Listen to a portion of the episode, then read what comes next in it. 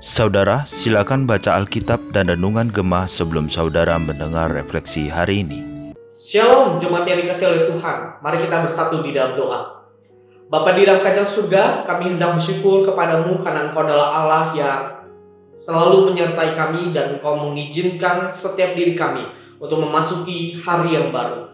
Ya Tuhan di hari yang baru ini kami merindukan suara Tuhan boleh kami dengar. Untuk itu kami memohon ketika kami merenungkan firman-Mu, Tuhan berbicara di dalam hati kami dan kami dapat memahami setiap kata demi kata firman Tuhan.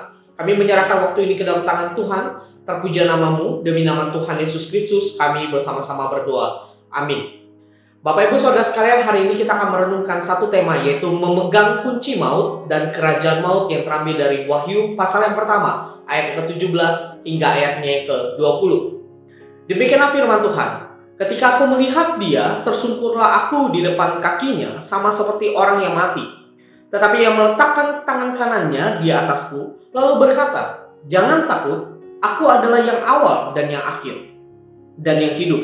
Aku telah mati, namun lihatlah aku hidup, sampai selama-lamanya, dan aku memegang segala kunci maut dan kerajaan maut. Karena itu, tuliskanlah apa yang telah kau lihat, baik yang terjadi sekarang, maupun yang akan terjadi sesudah ini dan rahasia ketujuh bintang yang telah kau lihat pada tangan kananku dan ketujuh kaki dian emas itu, ketujuh bintang itu ialah malaikat ketujuh jemaat dan ketujuh kaki dian itu ialah ketujuh jemaat.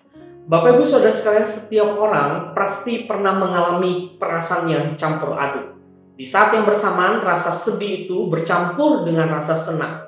Ketika kita menghadapi kesusahan, rasa sedih itu terjadi di dalam kehidupan kita. Tetapi waktu ada pertolongan yang kita alami, kita juga merasakan sukacita. Nah Bapak Ibu Saudara sekalian perasaan yang campur aduk seperti ini pernah dialami oleh jemaat di Asia Kecil.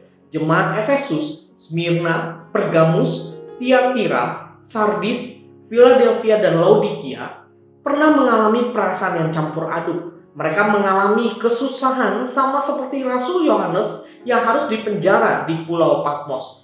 Nah Bapak Ibu Saudara sekalian sekalipun mereka menghadapi situasi yang tidak mudah, mereka tetap setia dan menaati Kristus. Padahal pada saat itu mereka menghadapi musuh-musuh iman yang mencoba menyerang mereka.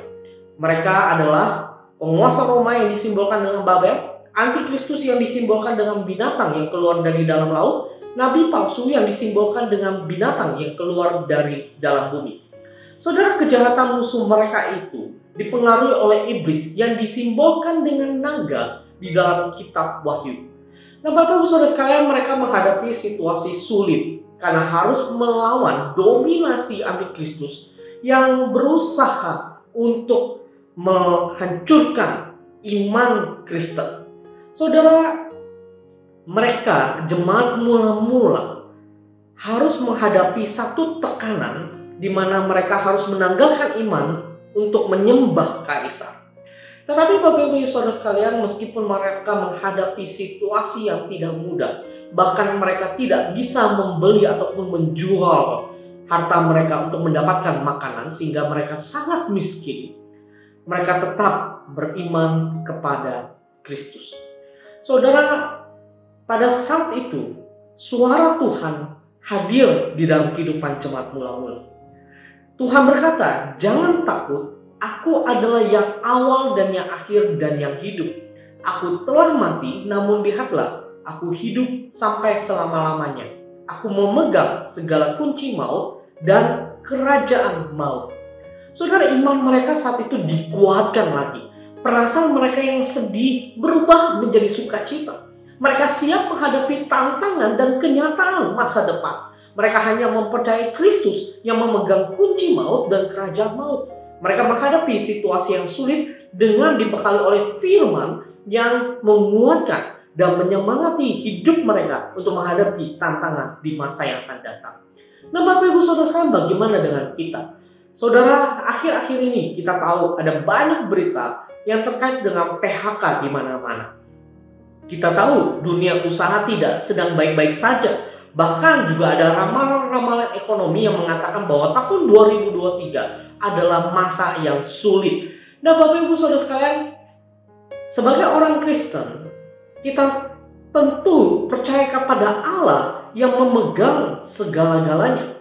Dia adalah Allah yang mengatur kehidupan kita. Dialah yang memegang kunci maut dan juga kerajaan maut. Maka Bapak Ibu Saudara sekalian karena dia adalah Allah yang memegang segala-galanya, tentu kita menjadi tenang karena kita mempunyai Allah yang maha kuasa. Jangan pernah meninggalkan iman kita, jangan pernah menanggalkan iman kita. Ketika kita akhirnya memilih untuk menanggalkan iman kita, itu berarti kita melepaskan kepercayaan kita kepada Allah yang sesungguhnya memegang kunci kehidupan.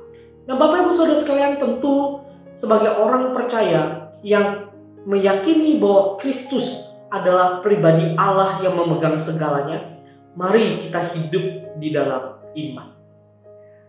Meskipun pada akhirnya kita mengalami kesulitan yang bisa membuat kita sedih, tapi percayalah kehadiran Tuhan di dalam kehidupan kita itu akan memberikan sukacita di dalam kehidupan kita.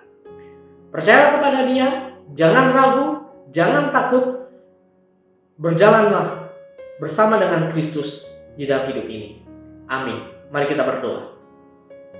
Bapak di dalam kerajaan surga kami berterima kasih kepadamu ya Tuhan.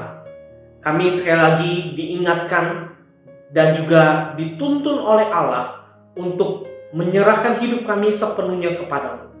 Kami bersyukur kami memiliki Allah yang memegang kehidupan. Maka ya Tuhan, hidup kami ini dipegang oleh Engkau, diatur oleh Engkau, dan kami mau mempercayai Engkau ya Tuhan.